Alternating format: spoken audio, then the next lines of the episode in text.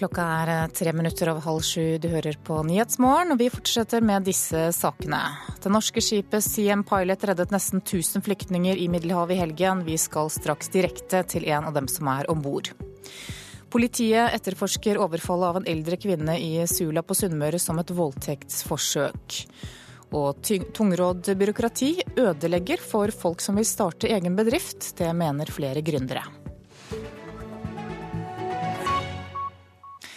Det norske skipet Siem Pilot er i ferd med å ankomme den italienske øya Sardinia med 963 flyktninger om bord.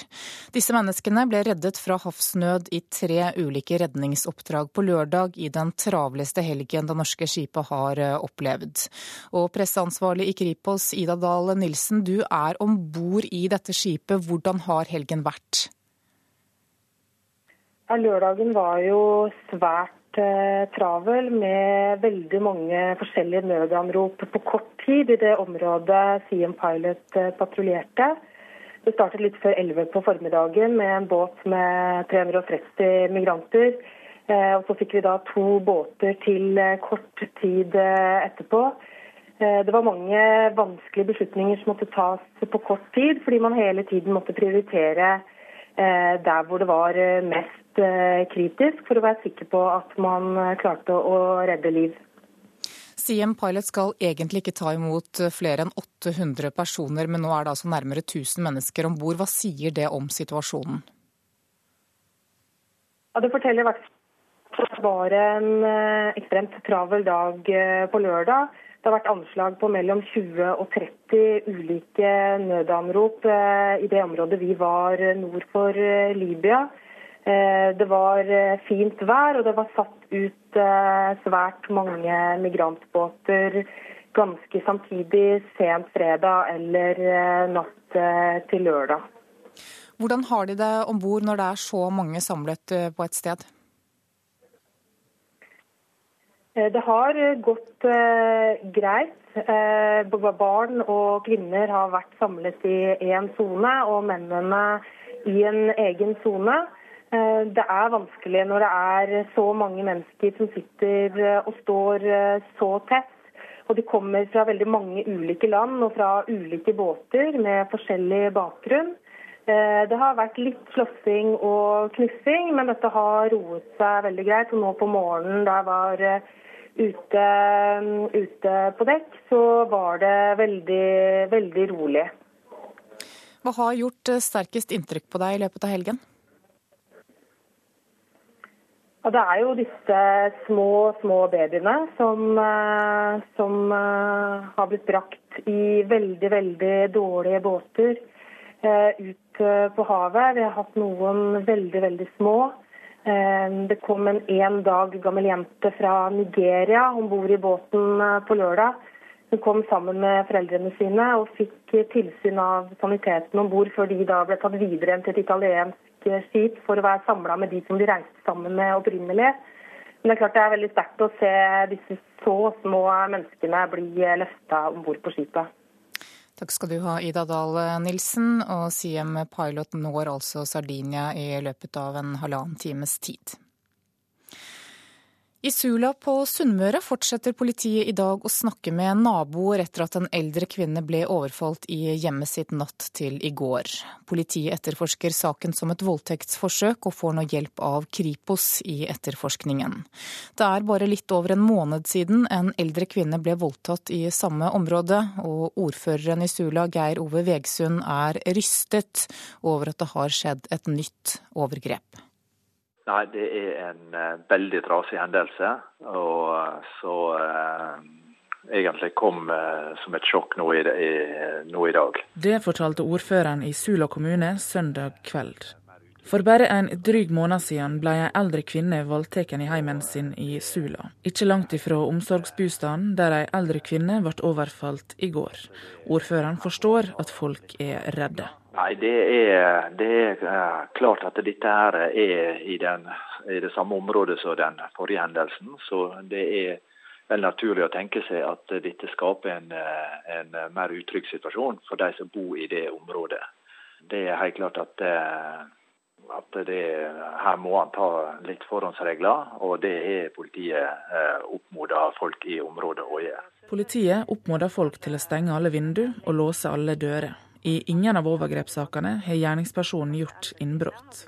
Politiinspektør Elin Drønn forteller også at de har mottatt tips fra folk, men hun oppfordrer likevel folk til å fortsette, og forteller dem om det de har fått med seg i området natt til søndag. Vi har oppretta opprettet et eh, tipsmottak, og vi, selv om vi har mottatt noe så langt, så er vi fortsatt interessert i å, eh, å få flere tips. Kan ikke gå inn på hva de konkrete tipsene som vi har fått går ut på, men det vi har etterspurt er jo observasjon av personer og biler. og eventuelt andre ting som folk har lagt merke til. Det sa politiinspektør Elin Drønnen i Sunnmøre politidistrikt, og reporter var Lena Støtte Høiberg. Presidenten i Hviterussland satte i helgen fri seks kjente politiske fanger. En av dem er en tidligere presidentkandidat. Både USA og EU mener løslatelsene kan åpne for bedre forbindelser til Vesten. Hviterusslands president Aleksandr Lukasjenko kalles ofte Europas siste diktator for måten han styrer dette landet mellom Russland i øst og Polen i vest. Hans autoritære stil, med en lang tradisjon for å fengsle politiske motstandere, har gjort at han i stor grad er boikottet av resten av Europa, bortsett fra Russland og en del land i det tidligere Sovjetunionen.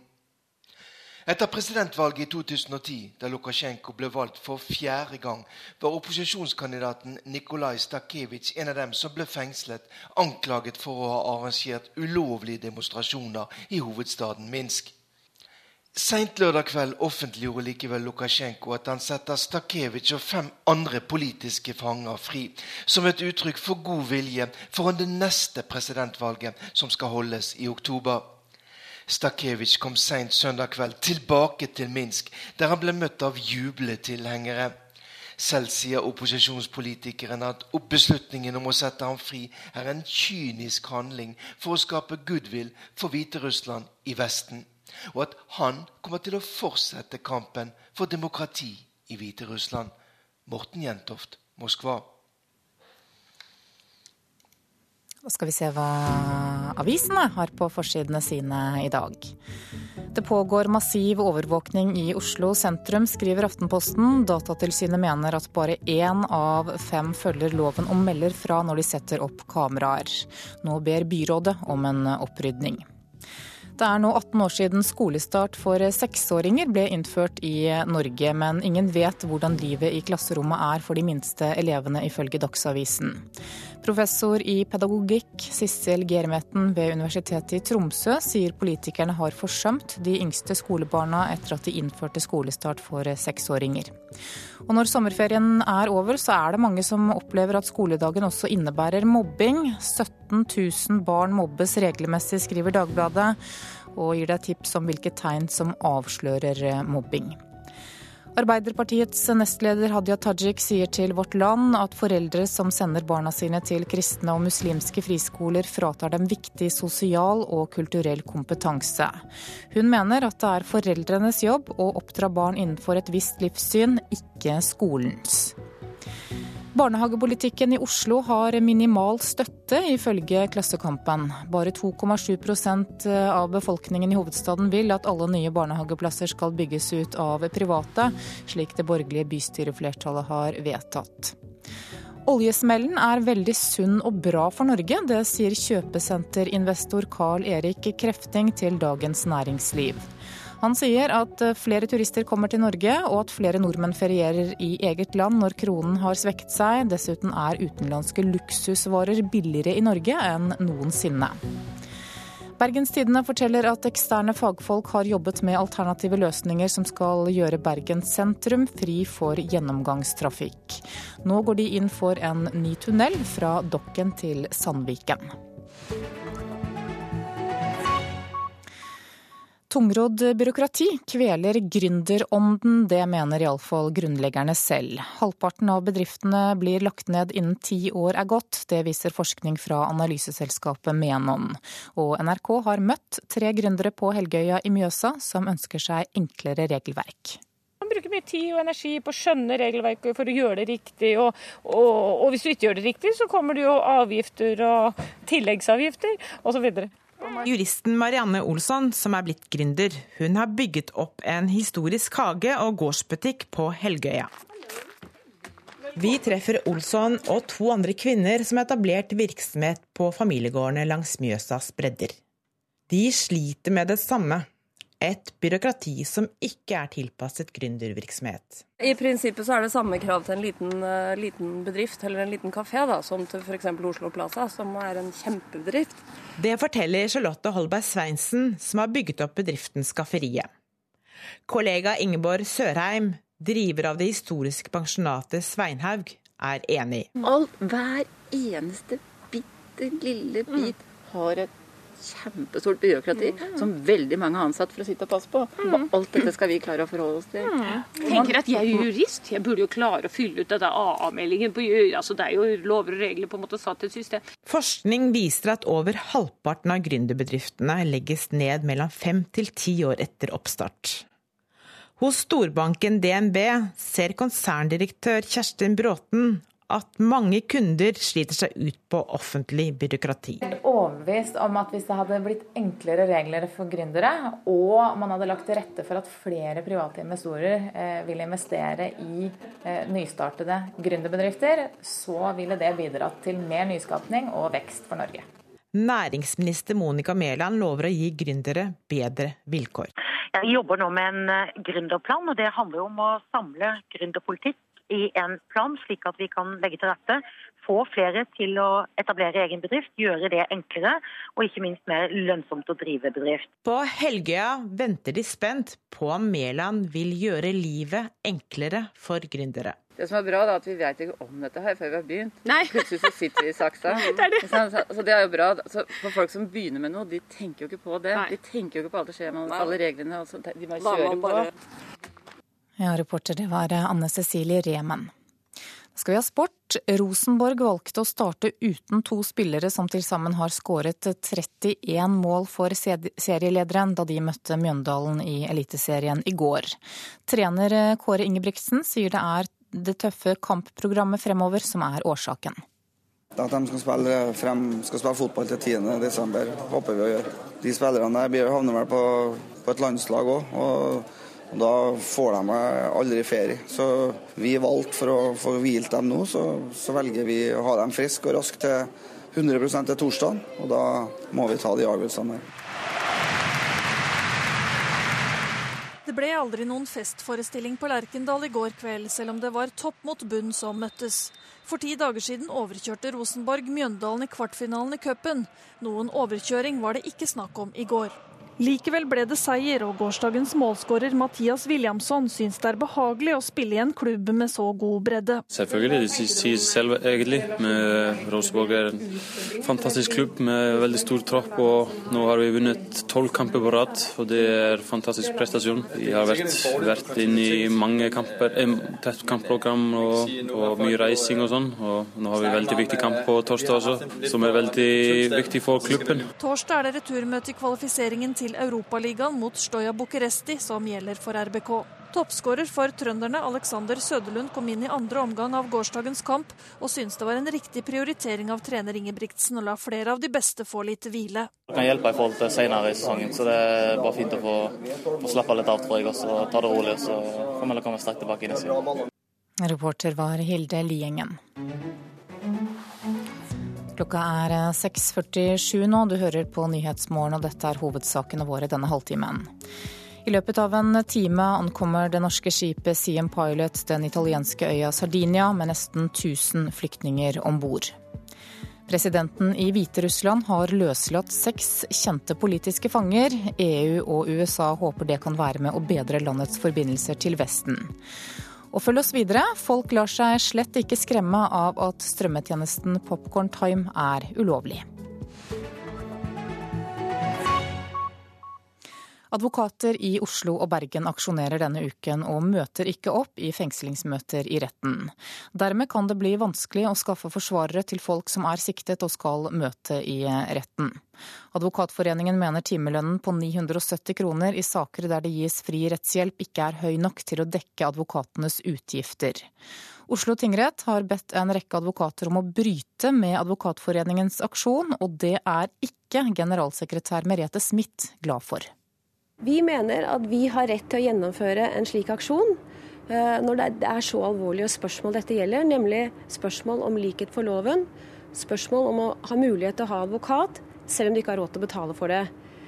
Vi mener at dette burde tingretten respektere og også se betydningen av. Timesatsen for en offentlig oppnevnt forsvarer er i dag på 970 kroner. Advokatforeningen mener den burde vært på 1220 kroner. Men det er mer enn timesatsen advokatene nå streiker mot. Loven eh, om fri rettshjelp kom i 1980, og da var det en eh, flott lov. Men siden da så har jo samfunnet utviklet seg, og, og innbyggerne i Norge har fått mange flere rettigheter. Særlig innenfor trygdeområdet og helselovgivningen. Men her får man ikke noen fri rettshjelp. Her har det ikke skjedd en utvidelse av fri rettshjelpsordningen. Og det mener vi må skje en endring på.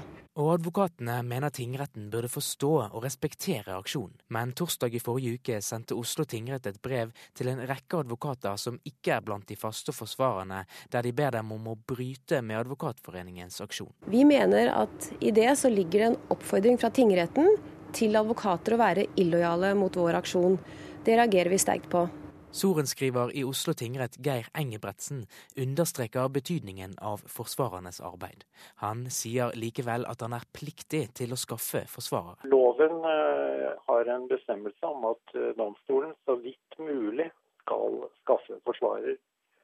Eh, og vi tolker det slik at vi må være mer aktivt enn bare å spørre de faste forsvarerne. Vi må også spørre andre mulige forsvarere om de ønsker å påta seg dette oppdraget. Det er altså Oslo og Bergen tingrett som er trukket ut i Advokatforeningens aksjon.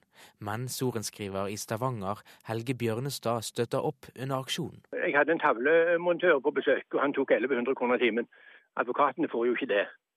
Og jeg tenker at, at det må stå i forhold dette. Og satsen har vært underregulert gjennom mange år. Og, og, eh, vi merker dette nå ved at den type eh, oppdrag eh, ikke lenger er interessante nok for flinke, erfarne advokater. Men statssekretær Vidar Brein-Karlsen i Justis- og beredskapsdepartementet sier de ikke har noen planer om å øke timelønnen til de offentlig oppnevnte forsvarerne med det første. Reporter det var Eirik Tufteland Kroken. Norske nettpirater lar seg ikke skremme av at strømmetjenesten Popcorntime er ulovlig. Etter at Kulturdepartementet først vurderte tjenesten som lovlig, snudde de og fastslo i vår at den likevel ikke er det. Men til tross for mye medieoppmerksomhet om dette, så bruker fortsatt over 240 000 nordmenn over 18 år Popcorntime hver eneste uke. Det viser tall fra TNS Gallup. Everything is dependent on oil. We are killing for gasoline. Vi hører et utdrag fra filmen Mad Max, som fremdeles går på kino enkelte steder i landet. Den kan ikke kjøpes før i oktober, men du kan få tak i den nå fra sofakroken på strømmetjenesten Popcorn Time, sammen med noen tusen andre filmer. Tjenesten har blitt populær fordi den er enkel, oversiktlig og helt gratis. Nesten for godt til å være sant.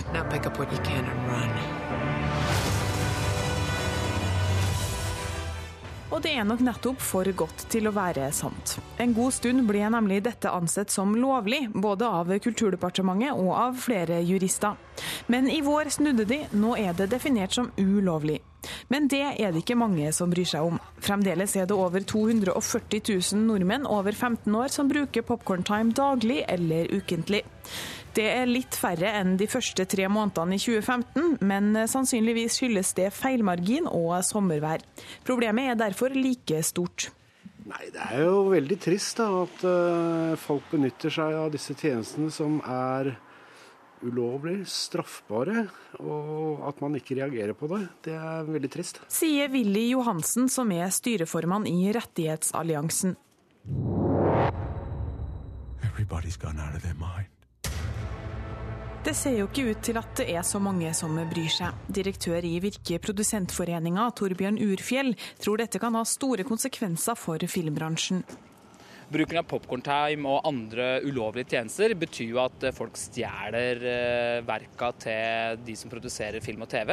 Og da er det ikke mulig å, å få en god økonomi og òg få nye forretningsmodeller for TV og film. Og kvaliteten vil svekkes, noe som igjen går utover seerne til slutt. Og da er jo bare spørsmålet hva skal vi gjøre med det? Det er det flere syn på. Eh, jeg tror vel at informasjon til de yngre vil kanskje hjelpe litt.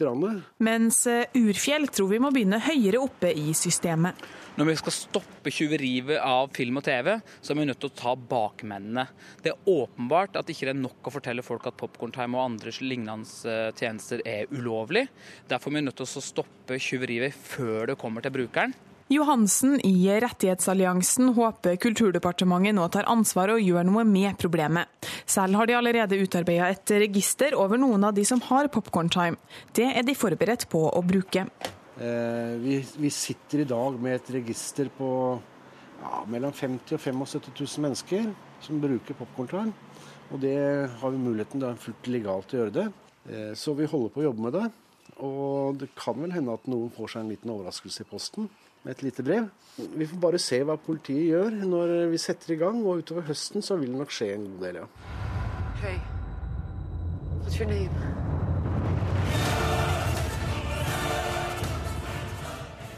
Ja, reporter her var Runa Rød.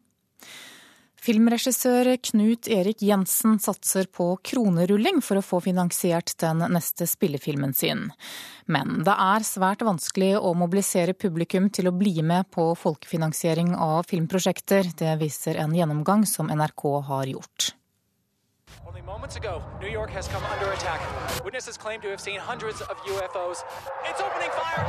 Oh med hjelp fra ihuga fans ble sci-fi-komedien Iron Sky fra 2012 realisert gjennom kronerulling. Og neste år er det venta at oppfølgeren Iron Sky 2 får premiere, også den folkefinansiert. Take it easy, Blondie. Filmregissør Knut Erik Jensen har i flere år prøvd å få finansiert filmen 'Lengsel etter nåtid' om nedbrenninga av Finnmark og Nord-Troms i 1944. Han håper folkefinansiering skal skape engasjement og eierskap til filmen. Det er jo bare en del av finansieringa, selvfølgelig. Og det er også for å faktisk få solidaritet til prosjektet, og også få oppmerksomhet hos et forhåpentlig framtidig publikum. Altså trekke inn flere krefter enn bare de vanlige offentlige finansieringskildene, som er Filminstituttet og, og andre. da.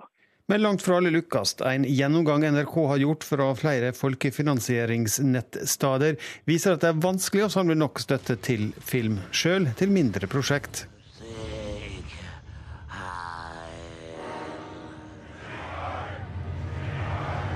Da de skulle lage Død snø 2, prøvde filmprodusent Kjetil Omberg å samle inn penger fra fansen, uten å lykkes. Han tror mange ikke veit hvor mye arbeid som ligger bak ei god folkefinansiering. Nei, jeg tror nok de aller fleste ikke vet det. Og så tror jeg eh, fort så du, får du deg en på trynet, og så rakner det. Og det gjorde det for oss, det skal vi bare helt ærlig innrømme å si. At vi, vi starta det altfor sent og klarte ikke å følge opp skikkelig. Så vi fikk inn en god del penger, altså. Men vi endte faktisk med å gi tilbake alle pengene til de som ga det til oss. Og Knut Erik Jensen har planene klare. Jeg vil jo si at Vi vil jo appellere til de mellom 500 600 000 som så heftig og begeistret. Hvis vi klarer å mobilisere håper å si 10 000 av de menneskene til å være med på å følge opp en del av de ideene som den filmen hadde og har, så, så ville vi komme veldig langt på vei. Ja, reporter, det var Espen Alnes. Da skal vi se på et eh, værvarsel som gjelder til midnatt. Fjellet i Sør-Norge sørøstlig stiv kuling utsatte steder, vesentlig sør for Finse og i vestlige fjellstrøk. Opphold og perioder med sol, men etter hvert tilskyende fra sør. Utover i ettermiddag regnbyger sør for Dovre. Østlandet på kysten periodevis liten kuling, etter hvert eh, tilskyende. Fra utpå ettermiddagen regnbyger først i sør, og lokalt med torden. Telemark og Agder på kysten nordøstlig opp i stiv kuling. Fra i formiddag perioder med regnbyger, lokalt med torden. Rogaland og Hordaland østlig bris, opp i liten kuling utsatte steder. Stort sett pent vær. Fra i ettermiddag opp i østlig stiv kuling utsatte steder. Skyet eller delvis skyet. Mulighet for enkelte regnbyger, særlig i indre strøk. Kan hende med torden. Sogn og Fjordane stort sett pent vær. I kveld østlig liten kuling utsatte steder. Skyet eller delvis skyet. Spredte regnbyger, særlig i indre strøk. Møre og Romsdal og Trøndelag fra i ettermiddag nordøstlig bris på kysten. Pent vær, sent i kveld tilskyende i sør. Nordland først på dagen lokal tåke i Vesterålen og på yttersiden av Lofoten. Ellers stort sett pent vær. Troms skyet, i nord spredt regn, men etter hvert oppholdsvær. Lokal tåke, fra i ettermiddag nordøstlig bris og til dels pent vær. Finnmark i kyststrøkene øst for Nordkapp vest og nordvestlig frisk bris. Spredt regn, senere opphold, etter hvert perioder med sol på vidda. Og på Nordensjøland på Spitsbergen er det ventet skiftende bris i dag, litt regn og lokal tåke. Så tar vi med temperaturene som ble målt klokka fem. Da hadde Svalbard lufthavn seks grader, Kirkenes 14, Vardø 11, Alta, Tromsø og Bodø 14, Brønnøysund 19, Trondheim 12, Molde 13, Bergen 18, Stavanger 19. Kristiansand 16, Gardermoen og Lillehammer 10, Røros 2 og på Oslo-Blindern så var det 15 grader. Børsene i Asia faller kraftig nå på morgenen.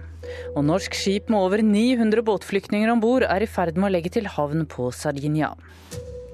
Her er NRK Dagsnytt klokka sju.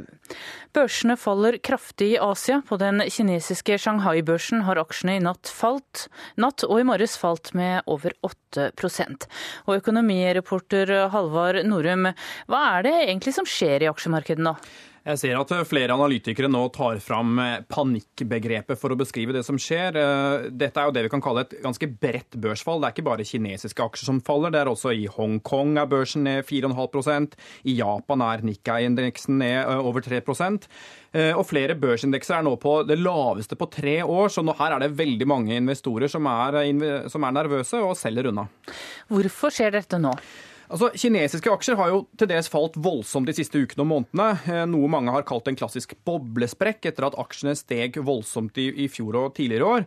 Men utover selve boblefrykten der, så er det jo også en viktig driver at frykten for at det står dårligere til i kinesisk økonomi, eh, dårligere enn myndighetene har vært villige til å innrømme, eller kanskje er klar over for den saks skyld, det er nok en viktig driver her, for Kina er en så viktig motor for økonomisk vekst i verden. Og hvis det landet bremser, så bremser på en måte resten av verden. Bare tenk på alle selskapene som leverer varer til Kina, f.eks. Så det, er, det spiller nok en stor rolle, altså frykten for en brems i kinesisk økonomi her.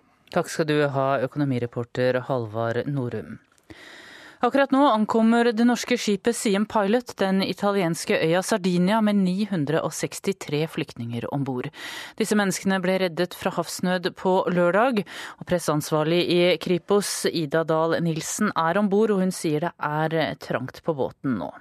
Eh, det er vanskelig når det er så mange mennesker som sitter og står eh, så tett.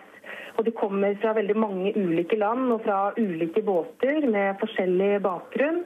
Eh, det har vært litt slåssing og knuffing, men dette har roet seg veldig greit. Og nå på morgenen da jeg var eh, ute, mm, ute på dekk, så var det veldig, veldig rolig.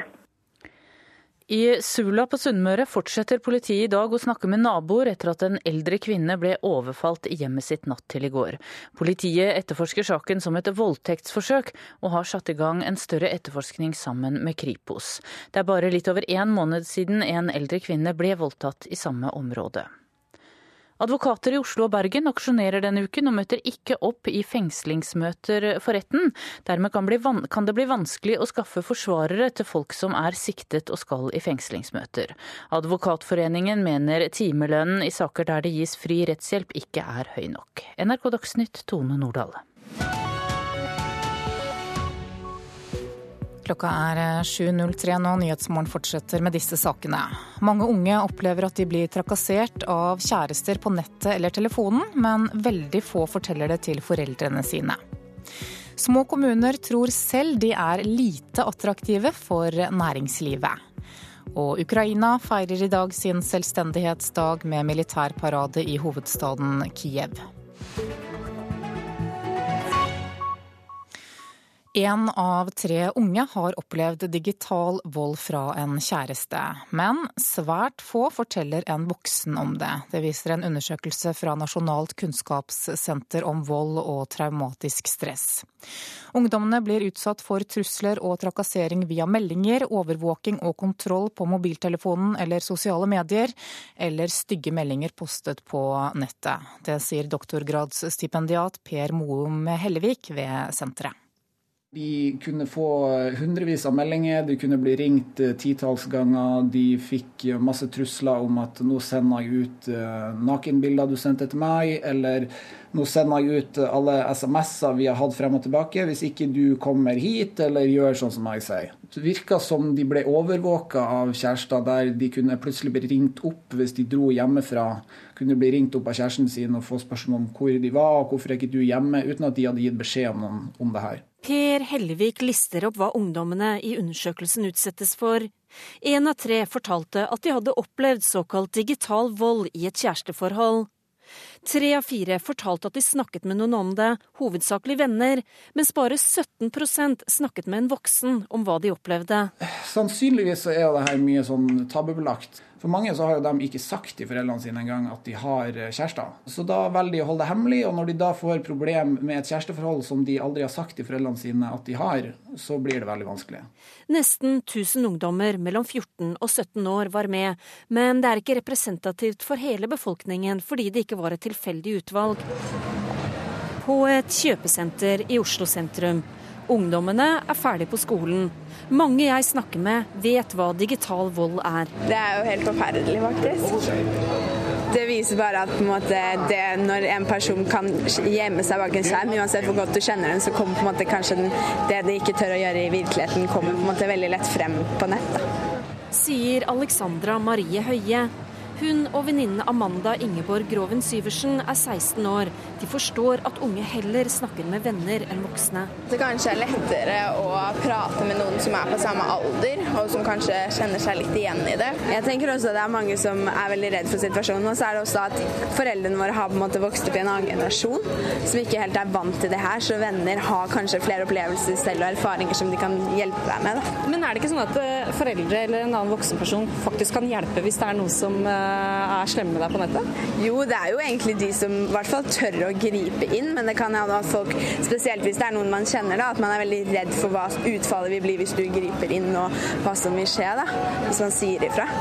Det er derfor man ikke tør å si ifra, for man vet at foreldrene vil jo gjøre noe med det. Og så ønsker de seg også mer generell informasjon om kjæresteforhold. For det er vanskelig for ungdom. Det er kanskje sitt første kjæresteforhold. De vet ikke om når jeg får 40 eh, meldinger fra kjæresten min om eh, hvor jeg er og hva jeg har gjort i dag, er det bare fordi han elsker meg veldig mye, eller har det med uh, sykelig atferd som kan føre til vold? De ønsker at dette kunne gjerne være en del av pensum, og at de pågikk gjennom hele skoleåret. Ja, reporter det var Ellen Omland. Politibetjent Anne Katrin Storsveen ved Oslo politikammer, god morgen. Hei. Du er opptatt av eh, nettvett, eh, digital vold som pensum på skolen. Hva syns du om en slik idé? Ja, det syns jeg kan være en eh, god idé. Det er viktig å opplyse om hva som foregår på nettet. Og når skolene tillater at det skal brukes internett og mobiltelefon på skolen, så syns jeg at de bør følge opp med å opplyse om hvordan det skal brukes og ikke skal brukes. Så hører vi her at det er mange som blir utsatt av dette her fra kjærester. Hvorfor skjer det? Mye, eller det vi har sett, er at det er ofte sjalusi og hevn. Eh, et kjærlighetsforhold tar slutt, eh, hvor f.eks. jenta gjør det slutt. Eh, så kan det være at man hevner seg ved å dele intime bilder som de har hatt i, tatt i forholdet. Det kan også være omvendt, det er jo begge veier. Men som oftest er det pga. sjalusi og hevn. Er du overrasket over at omfanget er så stort? Nei, jeg tror det er store mørketall her også. Så jeg er ikke overrasket over det. Er det stort sett jenter som rammes, eller er det også gutter som blir rammet av dette her? Når det gjelder eh, det man da også kan kalle hevnporno, eh, så er det som ofte som vi har sett, eh, jenter som blir rammet mest. Hva bør ungdom gjøre da? Vi hører at de ikke vil fortelle til foreldrene sine her, men hva bør de gjøre når de blir utsatt for dette? Det første de bør gjøre, er jo å anmelde det til politiet. Og hvis det da blir anmeldt, så er det jo også enklere å få etterforsket det også tidlig. Og det er jo viktig. Så er det jo å ta vare på de meldingene og det bevisene som de kan få ut av det. Eh, og eventuelt også snakke med vedkommende. Er det en ekskjæreste, så kan man ta kontakt og be de om å, å slette de bildene de har lagt ut. Eh, og fortelle da videre hva de ønsker å gjøre hvis det ikke skjer. Man kan også ta kontakt med de support-teamene rundt om på de nettstedene hvor det har blitt delt, og søke om hjelp der også. Det er flere andre rådgivningssteder som, som også gir hjelp, sånn som slettmann.no. Så det er steder å gå, men først og fremst så anbefaler vi å anmelde. Hvilke konsekvenser får det da for de som utøver den type vold, at de får en anmeldelse mot seg? De som eh, utøver volden, de jo da, må jo bli tatt inn til et avhør og bli etterforska videre rundt saken. Eh, og da prøver man å nøste opp i årsaken og hva som har skjedd, og prøve å løse det derfra. Og hvilke konsekvenser, Det høres så, så brutalt ut, dette her. Hvilke konsekvenser mm. får det for de som blir utsatt for det? De som blir utsatt for det, de eh, opplever det som ganske traumatisk. Eh, fordi at de blir lagt ut for en hel nettverden. Eh, ja, intimbilder og, og, kropp og private ting ved seg selv. Og det er klart at det kan gå utover deres omdømme. Videre når det gjelder skolegang, rykter, jobb osv. Det er jo folk som er tatt inn til lederne sine og blir spurt om hva er dette for noe, du havna på en pornoside osv. Det er veldig vondt og vanskelig også å snakke om for de, da. Det er traumatisk. Hva kan vi gjøre for å redusere omfanget? da? Det er vel ikke så lett å avdekke alt dette her, i og med at mange velger å la være å fortelle om det? Nei, det er det ikke. Men eh, det man må vite er uh, alle har et ansvar for hva de også uh, deler. Og det er klart at når man deler bilder av andre uten samtykke, så gjør man noe straffbart. Så det er klart at man må tenke litt over hva man gjør. Og det er klart at når det er et forhold, så, så man jo, har man jo tillit til hverandre. Eh, og stole på hverandre. Eh, men man må kanskje tenke litt i forhold til er det lurt å bli tatt bilde av i de forskjellige settingene også. Eh, ja. Ja, vi sender den oppfordringen videre. Takk skal du ha, politibetjent Anne Katrin Storsveen ved Oslo politikammer. Mm skal vi høre at eh, små kommuner er mindre attraktive for næringslivet enn store kommuner. Det svarer iallfall ordførere og rådmenn i en undersøkelse utført for næringslivets hovedorganisasjon NHO. Småkommunene er mindre attraktive for bedrifter, mener NHO, men Bedriftsforbundet er ikke helt enig. Så retter du litt opp, så snur nesen litt her. Bra. Fint. Lener litt framover. Der, ja. Bra. I studioet på Ryfoss i Vang kommune i Oppland jobber fotograf Katrine Dokken med lys, perspektiv og positurer. Kundene finner hun over hele landet. Bedriften startet hun i en kommune med 1650 innbyggere. Jeg hadde jo ikke fått den muligheten her i en stor kommune eller i en stor by. At vi nesten får et lokale kasta etter oss og spørsmål om å pusse opp etter vårt ønske. Sånn at eh, for min del har det egentlig vært veldig fordelaktig å være en nyoppstarta fotograf en liten plass. Men fotograf Dokken befinner seg nok nærmere unntaket enn regelen, i hvert fall om vi skal tro ordførerne og rådmennene som har svart på NHOs kommuneundersøkelse for 2015. Der fikk de nemlig følgende spørsmål. I hvilken grad oppfatter du din kommune som et attraktivt sted for lokalisering av næringslivet? Blant kommunene med over 10 000 innbyggere svarte over 90% at kommunen i stor grad var attraktiv for næringslivet. For kommunene med under 2000 innbyggere mente bare drøyt halvparten det samme. Her mente for øvrig nesten én av fem at kommunen i liten grad var attraktiv for bedrifter. Og det kan nok skorte litt på selvtilliten i små kommuner, tror ordfører i Vang, Vidar Eltun. Det kan nok ofte være. og eh, Jeg tror det er veldig viktig å tenke litt sånn eh, kreativt og innovativt. og Det har vi vel kanskje ikke vært flinke nok til så langt i, i mange små kommuner. Så det, der har man jobb å gjøre. Men NHO-sjef Kristin Skogen Lund tror de små kommunene har en vanskelig jobb foran seg, ettersom store trender som globalisering og urbanisering jobber mot dem. Samfunnet stiller stadig større krav til kompetanse, og de som evner å tilegne seg høy kompetanse, de søker mot de store kunnskapssentrene. De forlater mindre kommuner, og de flytter ut. Og så flytter næringslivet etter kompetansen. Og det er det ikke så lett å gjøre noe med, for det er styrt av disse megatrendene. Men hos Bedriftsforbundet, som representerer mange av de små bedriftene i Norge, er direktør Morten Berge litt mer optimistisk på de små kommunenes vegne. Vår oppfatning er at små kommuner ofte undervurderer seg selv eh, og de muligheter de har i forhold til å tilrettelegge for verdiskapning i egne kommuner. Så hvilke fortrinn er det de har i forhold til store kommuner? Først og fremst har små kommuner en nærhet til bedriftene i sitt område, som gjør at de i mye større grad kan ha en direkte dialog. De kan kartlegge hvilke behov virksomheten faktisk har, og tilrettelegge for den utviklingen og de behov Eh, bedriftene tilkjennegir. Noe fotograf Dokken i Vang kommune kan kjenne seg igjen i. Fordelen med en liten plass er at du lettere kan prate med den som er øverst og tar avgjørelser, og, og liksom legge fram saka di og liksom være mer synlig og bli hørt. Ja, Reportere her det var Halvard Norum og Sigrid Havig eh, Berge. Torge Reve, professor i strategi og industriell konkurranseevne ved Handelshøyskolen BI, god morgen. Ja, god morgen. Du, hvordan tolker du svarene i denne undersøkelsen? Ja, Tallene er meget tydelige. Det er sjelden jeg har sett så klare forskjeller i en eh, survey som dette. Her sier det at små kommuner er mindre attraktive for næringslivet enn store kommuner. og Det stemmer helt med de tallene som eh, vi har når vi arbeider med dette. Vi finner f.eks. at verdiskaping per ansatt er klart høyere i store kommuner enn i små kommuner. Og så hørte vi NHO-sjefen her som mener at de små kommunene har en vanskelig jobb foran seg ettersom store trender som globalisering og urbanisering jobber mot dem. Hva kan de små kommunene gjøre med det? Nei, Det er klart det er en sammenheng med at de små kommunene ofte ligger i utkanten, og utkanten er ofte mindre attraktivt for næringslivet enn sentrale strøk. Det var det NHO-direktøren var inne på. Eh, så det er, det er, en av de tingene. Men det er klart små kommuner kan gjøre noe. Eh, man trenger å skape større og og, og mer attraktive arbeidsmarkeder. Og Da er det jo en, en gyllen mulighet nå rundt valget, for én ting man kan gjøre er å slå seg sammen og bli større. Ja, så går det vel an å samarbeide på tvers av kommunegrenser? Ja, det er klart det kan man gjøre. Eh, og det er litt forskjell på hvor de små kommunene ligger hen. En liten kommune som ligger ved siden av et stort bysentrum, f.eks. Randaberg, som vel ikke er så liten lenger, eh, den drar nytte av å være del av Stavanger-regionen. Men en liten kommune som ligger langt unna de store sentrene, får denne effekten.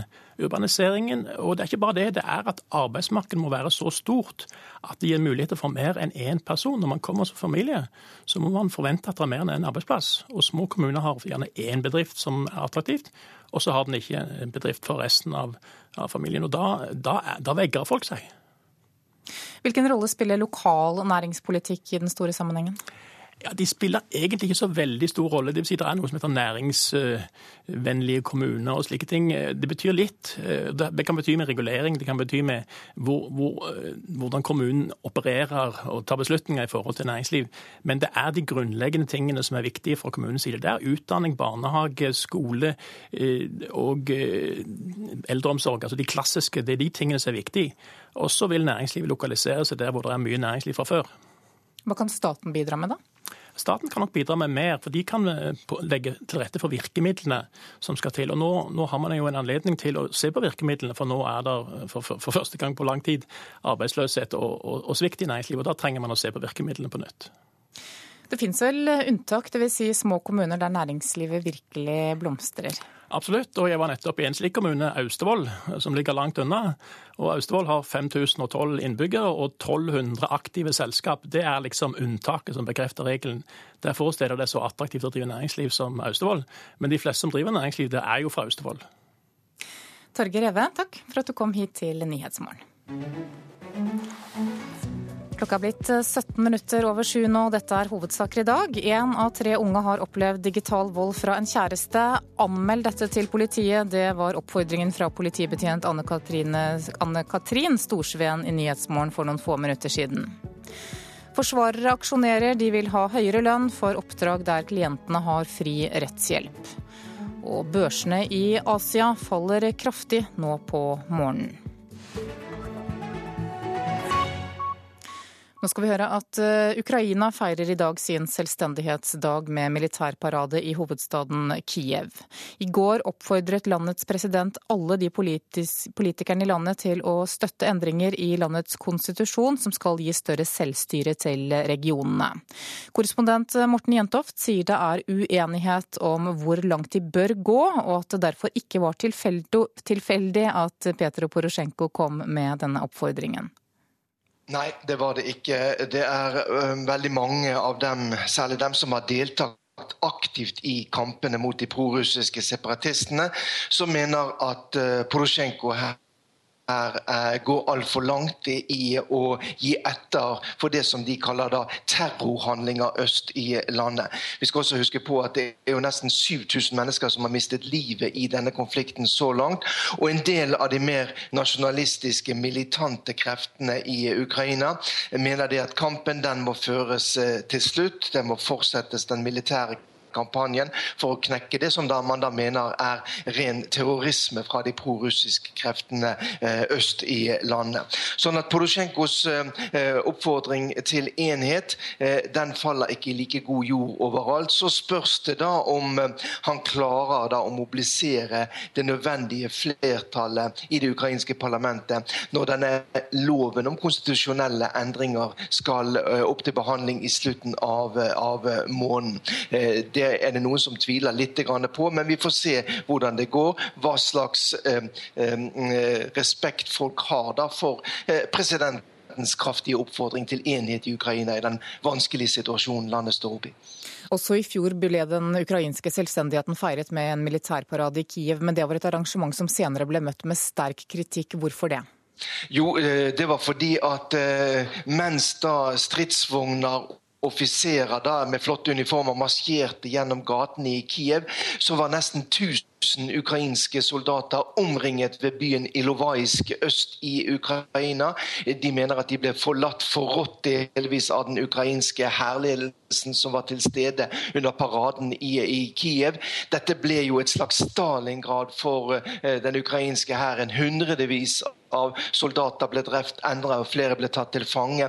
Og var årsaken til at uh, presidenten Petro Porosjenko måtte gå med på en våpenhvile uh, 3.9 i fjor. Så mange mener at eh, dette var en feiring med en bitter bismak. og det blir jo også interessant å se hva som kommer til å skje i dag. Kommer det også i dag til å bli en, en økning i den militære aktiviteten øst i landet, mens da eh, man marsjerer på Kretsjatek, denne store, vakre hovedgaten i Kiev?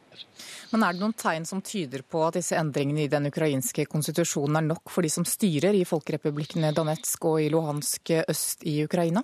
Foreløpig så ser det ikke ut til det. Både de og eh, de russiske støttespillerne til de prorussiske separatistene mener det at eh, det kan ikke bli noen endringer før eh, president Petro Porosjenko og den ukrainske ledelsen begynner å snakke direkte med separatistene. De mener det at disse konstitusjonelle endringene blir tredd ned over hodet på dem, og dermed så kan de ikke godta dem. Det ser ikke ut som de er villige til å godta noe som helst av eh, det som kommer fra Kiev akkurat nå. Og dermed så er den politiske situasjonen fastlåst akkurat nå. Og I dag så reiser Porosjenko til Berlin for å møte sine kollegaer fra Frankrike og Tyskland. Hva kan komme ut av dette møtet? Det er jo først og fremst en symbolsk handling. Eh, eh, Porosjenko drar for å møte Angela Merkel, den tyske presidenten, og Frankrikes Francois Hollande eh, for å få støtte da for eh, den eh, politiske linjen som han fører nå. For å få støtte fra dem for å si at de konstitusjonelle endringene som han gjør, de er i tråd med tidligere avtaler. Men kanskje det mest interessante er at dette møtet da finner sted uten at Russland og Russlands president Petro, Vladimir Putin er til stede. Det er også en, en symbolsk handling. og Det blir interessant å se hvordan eh, Russland eh, kommer til å reagere på det som skjer i Berlin i dag. Da skal vi se hva avisene har på sine forsider i dag. Det pågår massiv overvåkning i Oslo sentrum, skriver Aftenposten. Datatilsynet mener at bare én av fem følger loven og melder fra når de setter opp kameraer, og nå ber byrådet om en opprydning. Det er nå 18 år siden skolestart for seksåringer ble innført i Norge. Men ingen vet hvordan livet i klasserommet er for de minste elevene, ifølge Dagsavisen. Professor i pedagogikk Sissel Germeten ved Universitetet i Tromsø sier politikerne har forsømt de yngste skolebarna etter at de innførte skolestart for nettopp seksåringer. Og når sommerferien er over, så er det også mange som opplever at skoledagen innebærer mobbing. 17 000 barn mobbes regelmessig, skriver Dagbladet. De skriver også om hvilke tegn du må se etter som kan avsløre at barn blir mobbet. Arbeiderpartiets nestleder Hadia Tajik sier til Vårt Land at foreldre som sender barna sine til kristne og muslimske friskoler, fratar dem viktig sosial og kulturell kompetanse. Hun mener at det er foreldrenes jobb å oppdra barn innenfor et visst livssyn, ikke skolens. Barnehagepolitikken i Oslo har minimal støtte, ifølge Klassekampen. Bare 2,7% av befolkningen i hovedstaden vil at alle nye barnehager skal bygges ut av private, slik det borgerlige bystyreflertallet har vedtatt, skriver avisen. Oljesmellen er veldig sunn og bra for Norge. Det sier kjøpesenterinvestor Carl Erik Krefting til Dagens Næringsliv i dag. Han sier at flere turister kommer til Norge og flere nordmenn ferierer i eget land når kronen har svekket seg. Dessuten er utenlandske luksusvarer billigere i Norge enn noensinne. Bergens Tidende forteller at eksterne fagfolk har jobbet med alternative løsninger som skal gjøre Bergen sentrum fri for gjennomgangstrafikk, og nå går de inn for en ny tunnel fra Dokken til Sandviken. Tallet på døde trær i norske skoger har økt kraftig de siste årene, det skriver Nasjonen. Naturvernere er glade for utviklingen fordi den redder flere insekter, sopper og fugler. Områdene til bolig, næring og veier på Jæren og Nord-Jæren blir brukt opp mye raskere enn planlagt, og det betyr enda sterkere press på matjord. Matfylket Rogaland bygger allerede nå ned mest matjord i hele landet. Det meste gjør jo dyra ifra seg ute i rista her. Jostein Frøyland er bonde på Jæren, og han elsker det. Ja, jeg har trevest voldsomt godt å være bonde. Men kampen for å beholde matjorda på eiendommen i time har vært lange og harde. Kommunen og fylket var enige om at området måtte brukes til boliger. Det er et press du ikke klarer å forklare før du har opplevd det. Og du blir mest antydet å være litt dum når du velger å kjempe for å beholde jord som du kunne gjort om for flere hundre millioner kroner. Nabogårdenes jorder er blitt til byggefelt, men Frøyland nekta å gi avkall på sine, og vant kampen det mest ikke til å tro. Og det var en så stor glede mentalt at vi hadde ikke behov for å vise det, for eh, gleden gikk innover. Her har vi statistikken i forhold til omdisponering av dyrka jord på fylkesnivå. Så der ser en jo Landbruksdirektør i Rogaland Hadle Nevøy ser at tallenes tale er klar. Matfylket Rogaland bygger ned mest matjord. Det er jo kommunene sentralt på Jæren som absolutt har den største andelen av nedbyggingen. Og Det har ligget slik i ganske lang tid at uh, ca. tre fjerdedeler av den samla nedbygginga av dyrka arealer i fylket vårt, det har skjedd på Jæren. Vi er jo selvfølgelig bekymra, fordi at uh, vi har jo ikke mer areal i dette landet til matproduksjon enn det vi trenger. Nedbygginga av matjord i Norge er i løpet av de siste åra redusert fra 10 til rett under 6000 dekar. Et nivå regjeringen er fornøyd med og vil legge seg på. Stortingspolitiker Geir Pollestad fra Senterpartiet vil i høst fremme et annet forslag. Vi ønsker å halvere dette innen 2020. I utgangspunktet så skulle en jo hatt en nullvisjon, men en må ha noe veier en må ha noe jernbane. Men hvis vi bygger ned store uh, areal av den beste matjorda hvert år, så vil dette over tid forverre vår uh, selvforsyningsevne. Klepp-ordfører Ane Mari Braut Nese viser den langsiktige planen for utbygging i Stavanger-regionen og Jæren. Her er vi Kleppe og Verdalen. I fjor gikk det med over 2000 dekar matjord i Rogaland. Det tilsvarer drøye 300 fotballbaner. Og Klepp er av kommunene som brukte mest matjord til bolig, næring og veiutbygging. Det føles ikke godt å gjøre det. Men det er mer det at vi er nødt til å ta litt for å få til alt det andre. Vi skal liksom ri to hester på en gang. Vi skal være landbrukskommune, vi skal lage mat til resten av landet. Og så samtidig så skal vi være en del av oljeindustrien. Det som vi ser nå, en tydelig tendens til, er at samferdselstiltak eh, tar et stadig større jafs. Og det ser vi nok òg eh, vil være en eh, tendens som vi må påregne åra framover òg. Arealer som er satt i regionalplanen skal vare fram til 2040. Men ombygginga skjer fort. Alt nå er det ikke mye areal igjen å spille på. Planen kan ryke med ti år. Ja, vi frykter det. Eh, og jeg føler det er all grunn til å Hvis, det, hvis dette tempoet som har vært nå, iallfall blir ført videre, så kan det nok sikkert bli snakk om ti år før ti år, gjerne vel så det. Det gleder meg hver dag å stå opp og se ut vinduet og se på jordene. Og se på den eh, ja, gode, grønne, fine grasveksten. Jostein Frøyland håper Jæren i framtida tar bedre vare på den dyrka marka. Og Det dreier seg rett og slett om en djupgående holdningsendring. Jorda må tas først vare på. Ja, reporter her, det var eh, Cecilie Berntsen eh, Jåsund. Klokka nærmer seg 7.30 og Dagsnytt. I Politisk valgkvarter rett etter det, nemlig 7.40, så blir det bl.a. debatt om eiendomsskatt. Og der møtes også NHO-sjef Kristin Skogen Lund Senterpartiet til debatt om næringsliv i små og store kommuner. Produsent for Nyhetsmorgen i dag det er Silje Katrine Bjørkøy. Her i studio Anne Jetlund Hansen. Og dersom du har tips eller kommentarer, send oss gjerne en e-post. Adressen er 03030 krøllalfa nrk.no.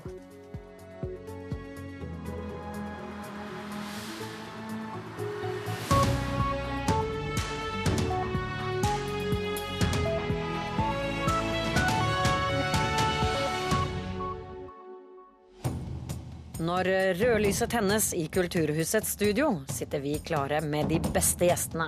De som hjelper deg å forstå hva som skjer rundt oss med kulturblikk. Hvilken film forklarer hvordan det er å være flyktning? Hører Munch og Melgaard sammen?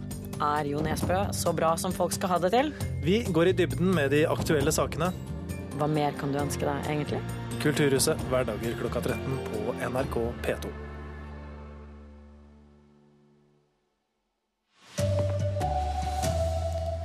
Forsvarere aksjonerer i dag, vil ha høyere lønn for oppdrag der klientene får fri rettshjelp. Børsene i Asia faller kraftig, investorene er nervøse. Og i Syria har terrorgruppen IS ødelagt et 2000 år gammelt tempel i Palmyra. Her er NRK Dagsnytt, klokka er 7.30. Advokater i Oslo og Bergen starter en aksjon som skal vare hele denne uken, og de møter ikke opp i fengslingsmøter i retten. Dermed kan det bli vanskelig å skaffe forsvarere til folk som er siktet og skal fremstilles for fengsling. Advokatforeningen mener timelønnen i saker der det gis fri rettshjelp ikke er høy nok til å dekke advokatenes utgifter. Oslo tingrett har bedt en rekke advokater om å bryte med Advokatforeningens aksjon, og det er ikke generalsekretær Merete Smith glad for. Vi mener at vi har rett til å gjennomføre en slik aksjon eh, når det er så alvorlige spørsmål dette gjelder, nemlig spørsmål om likhet for loven, spørsmål om å ha mulighet til å ha advokat, selv om du ikke har råd til å betale for det. Vi mener at dette burde tingretten respektere og også se betydningen av. Timesatsen for en offentlig oppnevnt forsvarer er i dag på 970 kroner. Advokatforeningen mener den burde vært på 1220 kroner. Og advokatene mener tingretten burde forstå og respektere aksjonen. Men torsdag i forrige uke sendte Oslo tingrett et brev til en rekke advokater som ikke er blant de faste forsvarerne, der de ber dem om å bryte med Advokatforeningens aksjon. Vi mener at i det så ligger det en oppfordring fra tingretten til advokater å være illojale mot vår aksjon. Det reagerer vi sterkt på. Sorenskriver i Oslo tingrett Geir Engebretsen understreker betydningen av forsvarernes arbeid. Han sier likevel at han er pliktig til å skaffe forsvarere. Loven eh, har en bestemmelse om at eh, domstolen så vidt mulig skal skaffe forsvarer. Eh, og vi tolker det slik at vi må være mer aktivt enn bare å spørre de faste forsvarerne. Vi må også spørre andre mulige forsvarere om de ønsker å påta seg dette oppdraget.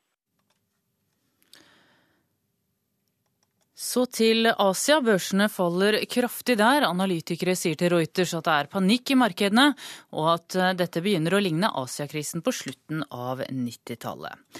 Økonomireporter Halvard Norum, hvor stort er egentlig dette fallet nå?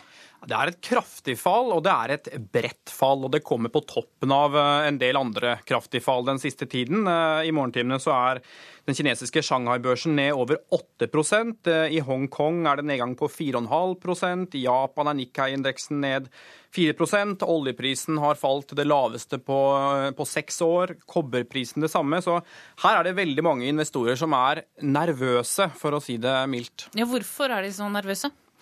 Eh, det er jo eh, antagelig flere årsaker til det. Nå har jo eh, børsene falt en del den siste tiden, og det falt ganske bra i, USA før helgen. Når det gjelder akkurat de kinesiske aksjene, så er det nesten en historie for seg selv. fordi de steg jo helt voldsomt gjennom fjoråret og tidligere i år. Men så har de da falt voldsomt igjen siden, siden sommeren. Så det tyder på den klassiske boblesprekken. Men dette kommer jo da på toppen av, og kanskje også fordi man har noe som er mye mer grunnleggende, nemlig en frykt for for at den kinesiske økonomien egentlig går dårligere, og det står dårligere til enn landets myndigheter er villige til å innrømme, eller kanskje er klar over. Og Kina er så viktig for den økonomiske veksten eh, i verden, eh, slik at dersom man da eh, virkelig tror at Kina går dårligere, så vil, det da, vil, man da regne med at det smitter over på råvarepriser, på selskaper som leverer varer til Kina osv., og, så og da faller, man da, da faller aksjene bredt. Ja, hva har dette å si for norsk økonomi? Du kan si at Dårligere økonomisk vekst i verden det er jo alltid dårlig nytt for en liten, eh, åpen økonomi som Norge. og Spesielt fordi det da trekker oljeprisen ned, som i hvert fall vi på kort sikt er ganske avhengig av. Og, og Det vil jo også da forsterke problemene man har i, eh, i eh, norsk oljeservice og norsk oljebransje. Så selv om det kan være enkelttilfeller som man kan på en måte peke på kan tjene på dette, så er det generelt dårlig nytt for norsk økonomi. Takk, Halvard Norum. Én av tre unge har opplevd digital vold fra en kjæreste, men svært få forteller voksne om det. Både voksne og unge må få mer informasjon, sier de unge i en undersøkelse, og ønsker dette som pensum i skolen. Det forteller doktorgradsstipendiat Per Moum Hellevik ved Nasjonalt kunnskapssenter om vold og traumatisk stress hundrevis av meldinger. Du kunne bli ringt uh, titalls ganger. Masse trusler om at nå sender jeg ut uh, nakenbilder du sendte til meg. Per Hellevik lister opp hva ungdommene i undersøkelsen utsettes for. Én av tre fortalte at de hadde opplevd såkalt digital vold i et kjæresteforhold. Tre av fire fortalte at de snakket med noen om det, hovedsakelig venner, mens bare 17% snakket med en voksen om hva de opplevde. Sannsynligvis er det her mye sånn tabubelagt. For mange så har jo de ikke sagt til foreldrene sine engang at de har eh, kjærester. Så da velger de å holde det hemmelig, og når de da får problem med et kjæresteforhold som de aldri har sagt til foreldrene sine at de har, så blir det veldig vanskelig. Det er jo helt forferdelig, faktisk. Sier Alexandra Marie Høie. Hun og venninnen Amanda Ingeborg Groven Syversen er 16 år og vet godt hva digital vold er. De forstår at unge heller snakker med venner enn voksne. Det kanskje er lettere å prate med noen som er på samme alder, og som kanskje kjenner seg litt igjen i det. Foreldrene våre har på en måte vokst opp i en annen generasjon som ikke helt er vant til det her, så venner har kanskje flere opplevelser selv og erfaringer som de kan hjelpe deg med. Da. Men er det ikke sånn at eh, foreldre eller en annen voksenperson faktisk kan hjelpe hvis det er noen som eh, er slemme med deg på nettet? Jo, det er jo egentlig de som i hvert fall tør å gripe inn, men det kan hende at folk, spesielt hvis det er noen man kjenner, da, at man er veldig redd for hva utfallet vil bli hvis du griper inn og hva som vil skje. Da. Og så ønsker de seg også mer generell informasjon om kjæresteforhold. Når jeg får 40 eh, meldinger fra kjæresten min om eh, hvor jeg er og hva jeg har gjort i dag, er det bare fordi han elsker meg veldig mye, eller har det med sykelig atferd som kan føre til vold? Reporter Ellen Omland. Små kommuner ser på seg selv som mindre attraktive for næringslivet enn det store kommuner gjør. Det svarer ordførere og rådmenn i en undersøkelse gjort for Næringslivets hovedorganisasjon. Mange små kommuner undervurderer seg selv, mener Bedriftsforbundet. Skal vi sette opp begge hendene i sida? Fotograf Katrine Dokken har kunder over hele landet.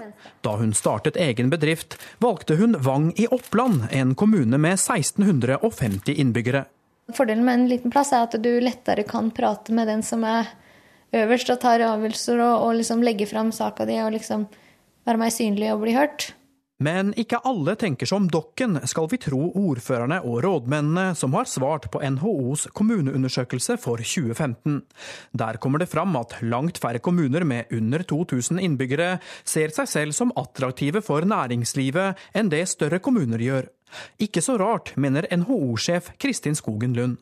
Samfunnet stiller stadig større krav til kompetanse, og de som evner å tilegne seg høy kompetanse, de søker mot de store kunnskapssentrene. De forlater mindre kommuner, og de flytter ut. Og så flytter næringslivet etter kompetansen. Og det er det ikke så lett å gjøre noe med, for det er styrt av disse megatrendene. Direktør i Bedriftsforbundet, Morten Berge, mener på sin side at mange små kommuner undervurderer sitt eget næringspotensial.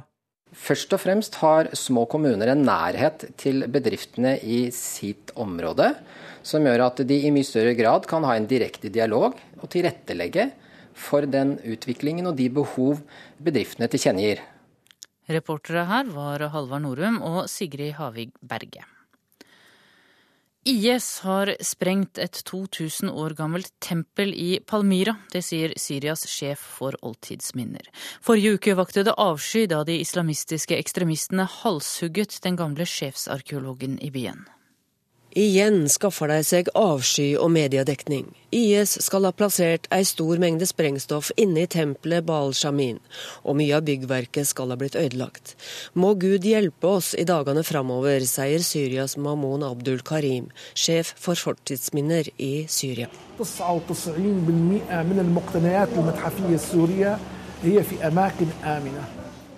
Mesteparten av de verdifulle fortidsskattene er pakka ned og gjemt i Damaskus, men nå er han redd for at IS gradvis vil ødelegge Palmyra for å skaffe seg publisitet.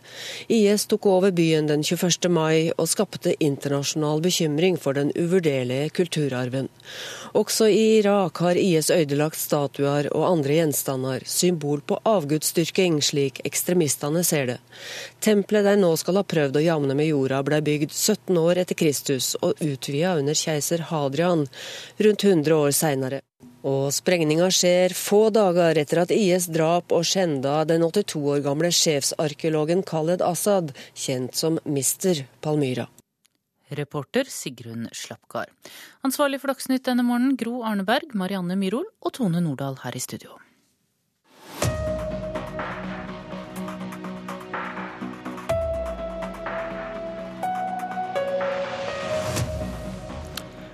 Uredelige Stian Berger Røsland møter uærlige Raymond Johansen. Diskusjonen om eiendomsskatt i Oslo når stadig nye høyder. Eller lodder nye dyp. Hvem er det som jukser med tall? De kommer til å peke på hverandre så fort jeg slutter å snakke. Legg fra deg brødskiva, nå må du holde tunga rett i munnen. Velkommen til Politisk valgkvarter, byrådsleder for Høyre i Oslo, Stian Berger Østland. Takk skal du ha. Du mister vel ikke søvn av angrep fra din hovedmotstander som sitter ved siden av deg, men hvordan er det å bli kalt uredelig av den langt fra røde avisa Aftenposten i deres leder på lørdag? Jeg syns Aftenposten bommet. Jeg syns det var en artikkel som bygget på en gal forståelse av hvordan dette forholdet egentlig er. Hvordan eiendomsskatt faktisk skal regnes ut. Og jeg syns de brukte en karakteristikk som det ikke var, var grunnlag for. Men gjør det litt vondt at det kommer fra den kanten?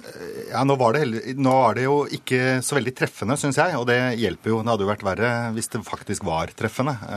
Men her mener jeg at de bommet, og da, da hjelper det jo tross alt litt. Spørsmålet er hvor mange som må betale eiendomsskatt hvis Arbeiderpartiet får makt i Oslo, og hvor mye. Du regner på en måte som gir høyere eiendomsskatt enn når Raymond Johansen regner. Og hvorfor bruker du prisantydning på et hus når du skal fortelle velgerne hvor mye eiendomsskatt de må betale, og ikke ligningsverdien, som Raymond Johansen gjør, og som Høyre i Bergen gjør, f.eks. Altså, jo, vi har jo i og for seg tre debatter. Den ene er bør vi innføre eiendomsskatt eller ikke. Og så er det hvordan skal den i så fall beregnes hvis den blir innført. Og så er det tredje er det, er det legitimt å diskutere andre modeller enn den Arbeiderpartiet går til valg på. Eh, og hvis vi nøyer oss med det første, så er det altså slik at eiendomsskatt Nei, men nå, nå var det ikke det. Jeg, jeg spurte om punkt to, ja, nemlig Arbeiderpartiets modell. Det er det jeg kommer til. Fordi Arbeiderpartiets eh, modell er jo da at, eh, at, du skal bruke denne eh, boligverdimodellen. Boligverdi er jo et eh, begrep som eh, enkelt fortalt er markedsverdi, en antatt omsetningsverdi. Det Raymond Johansen og Arbeiderpartiet gjør når de skal eh, eksemplifisere hvordan dette slår ut, er at de bruker gamle tall, altså ligning, omsetningsverdier fra 2013, som var grunnlaget for boligverdi 2014. Det jeg mener er riktig å gjøre, er å bruke antatt eh, omsetningsverdi når faktisk eiendomsskatten skal innføres. Eh, og det er omsetningsverdi nå, ikke noen år tilbake. Det du sier er at når boligprisene stiger, så kommer også eiendomsskatten til Arbeiderpartiet til å stige? Det jeg sier er at eiendomsskatt skal beregnes ut fra en antatt markedsverdi, ikke antatt markedsverdi for noen år tilbake. Og der er det uenigheten vår, eh, vår ligger. Eh, det blir ikke ligningsverdi fra 2013 eller 2014 som ligger til grunn for beregning av eiendomsskatt hvis Raymond Hansen kommer til, til makten. Det blir eh, ligningsverdi som da er, eh, fastsettes på det tidspunktet som man eh, innfører verdien, og, nei, innfører skatten. Og da er det en eh, anslått markedsverdi, en omsetningsverdi, som skal ligge til grunn for hvordan du beregner. Inn, og det er egentlig hovedforskjellen. Men innrømmer du at dine regnestykker heller ikke trenger å være riktige? Nei, altså det er jo det, det, som er problemet her, er at det er ingen som akkurat vet Så hva Så svaret er ja, dine regnestykker kan også være feil? Jeg har rett i den forstand at jeg legger til grunn en forsiktig antatt markedsverdi. Eh, jeg legger ikke til grunn gamle tall. Og, derfor så, og, og eh, eiendomsskatteloven, eiendomsskatteberegningsreglene, sier at det er en markedsverdi, en omsetningsverdi, som skal være utgangspunktet, ikke gammel omsetningsverdi. men, men hvor, hvor godt forsvar for en regnefeil er det at du mener at noen andre også gjør feil? Ja, men Jeg har jo ikke gjort en regnefeil. Jeg har sagt at du tar utgangspunkt i omsetningsverdi når du skal beregne eiendomsskatt. Det er lovens regel. Det er eh, slik som bl.a. skatteprofessor Jems Onstad sier du skal gjøre det. Det er slik det er. Det er, ikke noe, det er ikke noe mening eller uenighet eller to sider av denne saken. Eiendomsskatt skal beregnes ut fra en eh, antatt omsetningsverdi, og sånn er det. Raymond Johansen, Arbeiderpartiets byløselgerkandidat i Oslo. Du kan vel heller ikke vite hva eiendomsskatten for et hus blir i 2017, når din modell skal få full virkning? Dette er jo ikke min modell, og jeg syns Stian Berger Røsland det han sier er helt utrolig. Det vi gjør her, er å følge det som står i eiendomsskatteloven. Nøyaktig den samme modell som Bergen Høyre har innført. Det vi sier, slik det står i eiendomsskatteloven, og har Stian Berger Røsland et problem med dette, så bør han umiddelbart ringe finansminister Siv Jensen og statsminister Erna Solberg. For det vi gjør, er at de ligningstall er tallene som er satt opp på ligningen året før skatteåret. Det betyr at vi har den ligningsverdien som skatteetaten har funnet, den fører du opp. Du ganger med, du ganger med fire, og du ganger med 0,8, som er den regjering fastsatte reduksjonsfaktoren, så trekker du av bunnfradraget.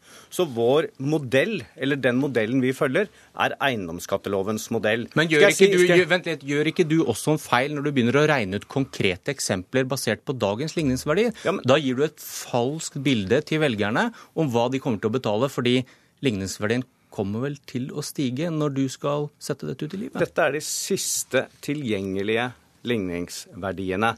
2013 er de siste tilgjengelige. Jeg kan ikke starte min politikk og spekulere i hva tallene skal bli. Du kunne lagt si... fram en modell uten å begynne å lage regnestykker ikke... som kanskje ikke blir riktige? Men dette er jo ikke vår modell. Dette er den fastsatte modellen for hvordan vi skal få dette til. Skal jeg si hvor galt dette kan, kan bli hvis du tar utgangspunkt i prisantydning?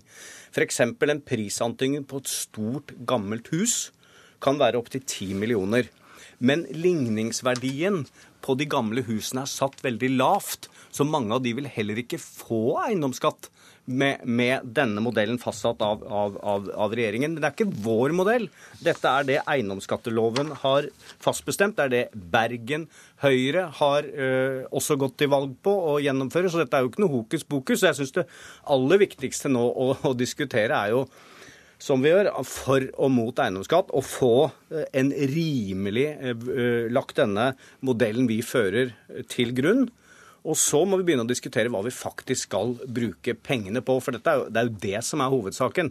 At vi har sagt at vi vil innføre en moderat eiendomsskatt for å få til et løft for de eldre ved å ansette 500 flere i hjemmetjenesten hjemmesykepleien, bl.a. Men, men nå, vi har kommet et godt stykke videre i dag. for nå er, Vi er nå enige om beregningsgrunnlag og modell. Det, er, er dere det? Nå er vi det.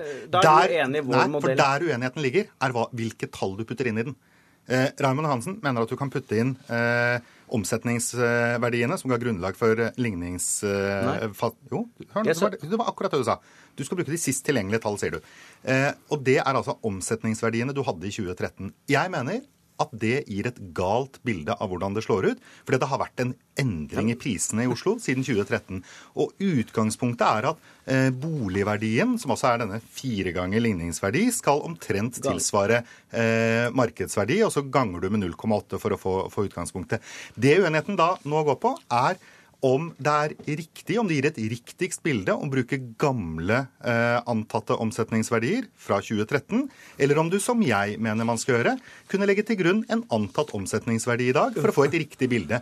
Hvis du gjør det på den måten jeg mener eh, er riktig, så vil du også se hvordan dette kommer til å se ut. Hvis du gjør det på måten Raymond Johansen eh, gjør det, så viser du hvordan det slo ut. Og, og, du, og du vil gjerne fortelle velgerne at ganske mange kommer til å bli rammet, og det blir en høyere pris enn det Raimond Johansen ønsker å fortelle. Ja, dette, det er ikke noen tvil om dette, det. Er jo, dette er jo dette er, også, jeg, jeg, reagerer litt også, uh, Stian, på at du later som å skape et inntrykk at dette er noe vi har funnet på. Dette er eiendomsskatteloven. Dette er sånn de gjør andre steder. Dette er det de kan sette seg med nå. Vi har nå vår kalkulator, så kan de sette seg ned, bruke ligningsverdien, gange på 4, gange på 0,8 og trekke fra, trekke fra, uh, fra 4 Men, millioner. Pro, problemet deres er vel at dere faktisk lager disse kalkulatorene, at dere kan ikke spå om framtiden? Man kan ikke spå om framtiden, men det, det, vi har vært veldig tydelige på, er jo hvordan denne modellen er. Det er klart at ligningsverdien for Man må jo da legge ligningsverdien i 2014 til, til grunn når man lager selvangivelsen for 2015. Slik er eiendomsskatteloven. Og vi har brukt dette som et eksempel på bakgrunn av de sist tilgjengelige tall. Og vi kan da ikke lage en modell hvor vi, hvor vi vet ligningsverdien. Jeg kan ikke vite om det blir et boligkrakk. Men det som, er, det som jo er saken, det er jo det at vi nå har lagd et, et, forslag på å innføre en moderat eiendomsskatt. Fire av fem vil ikke betale for at vi skal øremerke penger til å skaffe 3000 barnehageplasser. 500 ekstra i eldreomsorgen. Det er jo det saken dreier seg om. Ja. Og vi har da vist at dette er dette solidaritetsløftet for de eldre er noe det er mulig å gjennomføre for å møte framtidens enormt store Men utfordringer. Spørsmålet er, er, igjen hvor mange rammes og hvor mye må man betale. Og Stian Berger Røsland, dere har laget en kalkulator der velgerne kan regne ut da hvor mye eiendomsskatt de kan få. Men dere har brukt SV og Miljøpartiets bunnfradrag, som betyr at flere må betale eiendomsskatt enn med Arbeiderpartiets modell. og hva ville du sagt hvis dine motstandere sa at med et borgerlig flertall etter valget, så kan Oslo bli stengt for flyktninger og asylsøkere? Jeg, jeg tror ikke det er så sannsynlig, men det, må, men eh, det, er legitimt å diskutere ulike partiers uh, syn. Jeg syns det som er, er problemet i, i, denne eiendomsskattdiskusjonen Men vil du er, garantere at Oslo ikke stenger byen for eh, flyktninger og asylsøkere, da? Altså, jeg, Det er det Vil ikke eller er Høyre Eller er det Forhandles det om det? Det vil ikke Høyre gjøre, ikke KrF gjøre, ikke Venstre gjøre, ikke Arbeiderpartiet, ikke SV, ikke Rødt og ikke Miljøpartiet De Grønne. Så jeg tror det er ganske lite sannsynlig.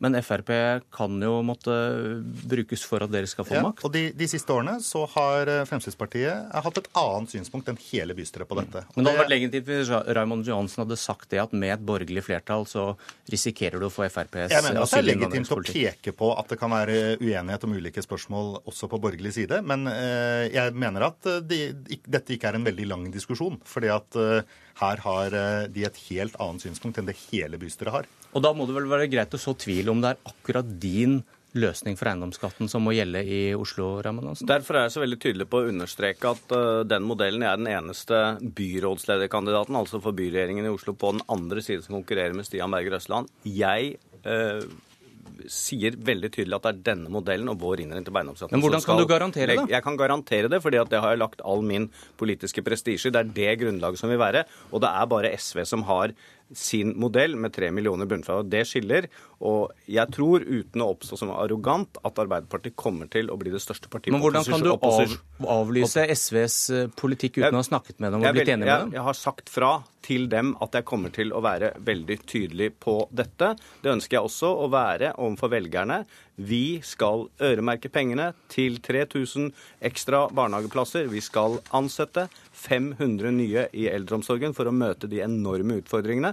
Og til det innføre en moderat eiendomsskatt. Og det er det vi legger til grunn. Og jeg håper og tror at velgerne aksepterer at, og forstår at det er det vi går til valg på. Garanti. Dette kunne jo Raymond Johansen løst veldig enkelt. Han kunne diskutert dette med de andre partiene på venstresiden og blitt enige om en modell. Problemet i dag er at de er uenige om modellen, og de er uenige om hva pengene skal gå til. Raymond Johansen og Arbeiderpartiet ønsker at pengene skal gå til eh, å bygge eh, så vidt jeg forstår, 3000 barnehageplasser.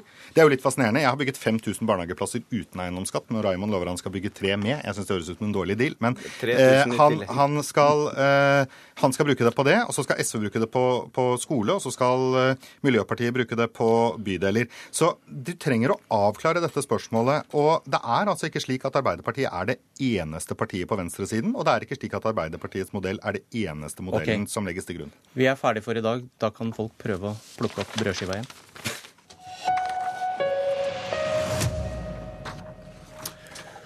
Ordførere og rådmenn i små kommuner ser på seg selv som mindre attraktive for næringslivet enn det store kommuner gjør. Og dette er hentet fra din undersøkelse, Kristin Skogen Lund, administrerende direktør i Næringslivets hovedorganisasjon. Eh, hvorfor får du disse svarene fra ordførerne og rådmennene, tror du? Nei, jeg, jeg, tror det er fordi mindre kommuner sliter med at uh, mange av de som tilegner seg høyere kompetanse, de søker mot uh, kompetansesentre. Blir kanskje i en, et større sted der de kanskje har studert, eller der hvor det fins en arbeidsplass som har behov for den kompetansen. Og da er det sånn at da er det vanskeligere for næringslivet å slå seg ned et sted hvor du ikke har den tilgangen på kompetanse. Det er kompetansen som leder an, og så følger næringslivet der kompetansen er.